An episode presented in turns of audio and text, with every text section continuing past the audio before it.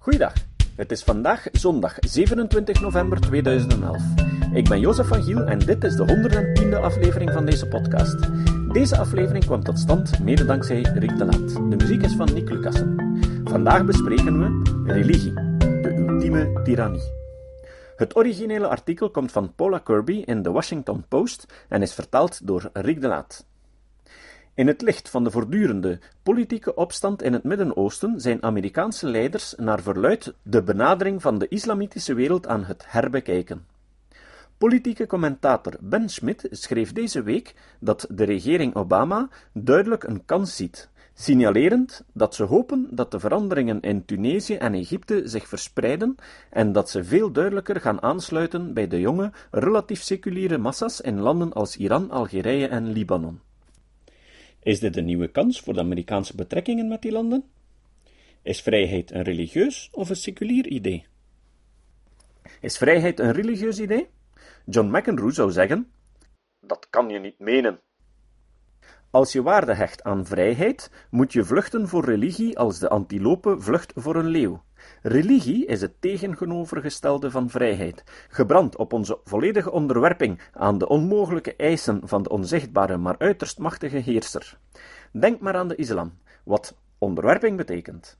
Denk aan het christendom, dat beweert dat het ongehoorzaamheid is die de erfzonde in de wereld heeft gebracht, met alle gevolgen van dien in termen van lijden en onrecht en zelfs aardbevingen en tsunamis. Stel je voor om te beweren dat de menselijke gehoorzaamheid zo belangrijk is dat de doelstellingen van een almachtige God en de structuur van de planeet, zo niet het hele universum, ervan afhangen en catastrofaal verstoord kan worden bij het eerste vleugje rebellie, en dan te beweren dat religie de bron van menselijke vrijheid is.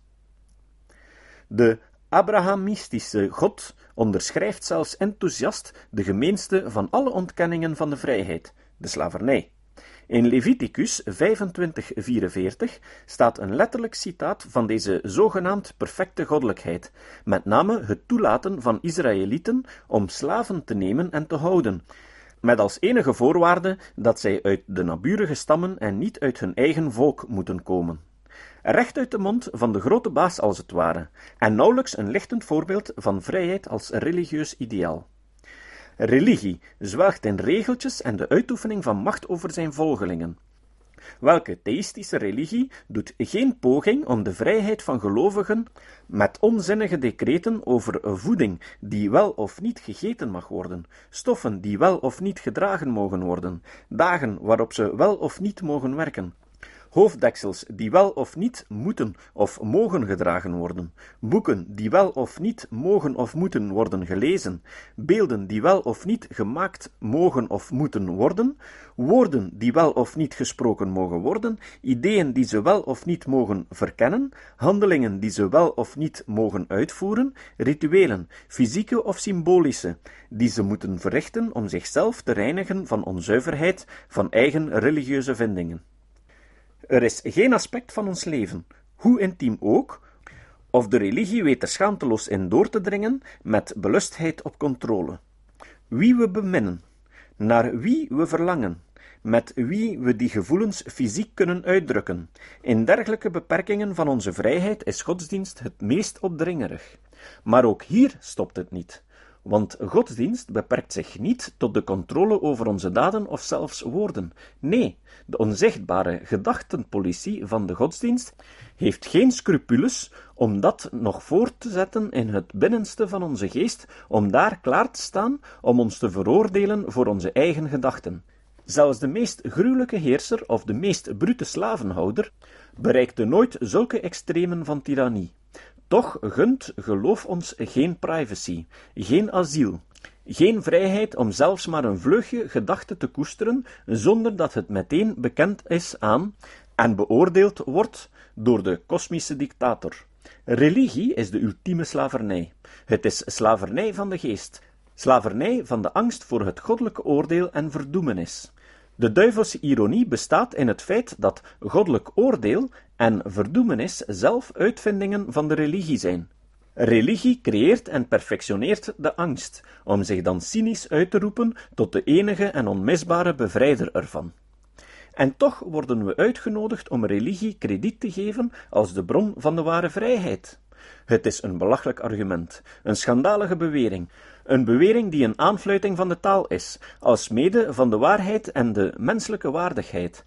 Als zodanig staat ze op één lijn met andere religieuze stellingen, zoals die de perfecte vergeving definiëren als iets dat afhankelijk is van de barbaarse offerdood door kruisiging van een onschuldige, alsof perfecte rechtvaardigheid erin bestaat dat een onschuldige gemarteld wordt tot ter dood, zodat de schuldigen vrijuit kunnen gaan, en volmaakte liefde als iets dat ons voor alle eeuwigheid naar de hel zou verdoemen, als we zouden weigeren om dergelijke groteske wangedrochten als bewijs van een perfecte en liefdevolle God te aanvaarden.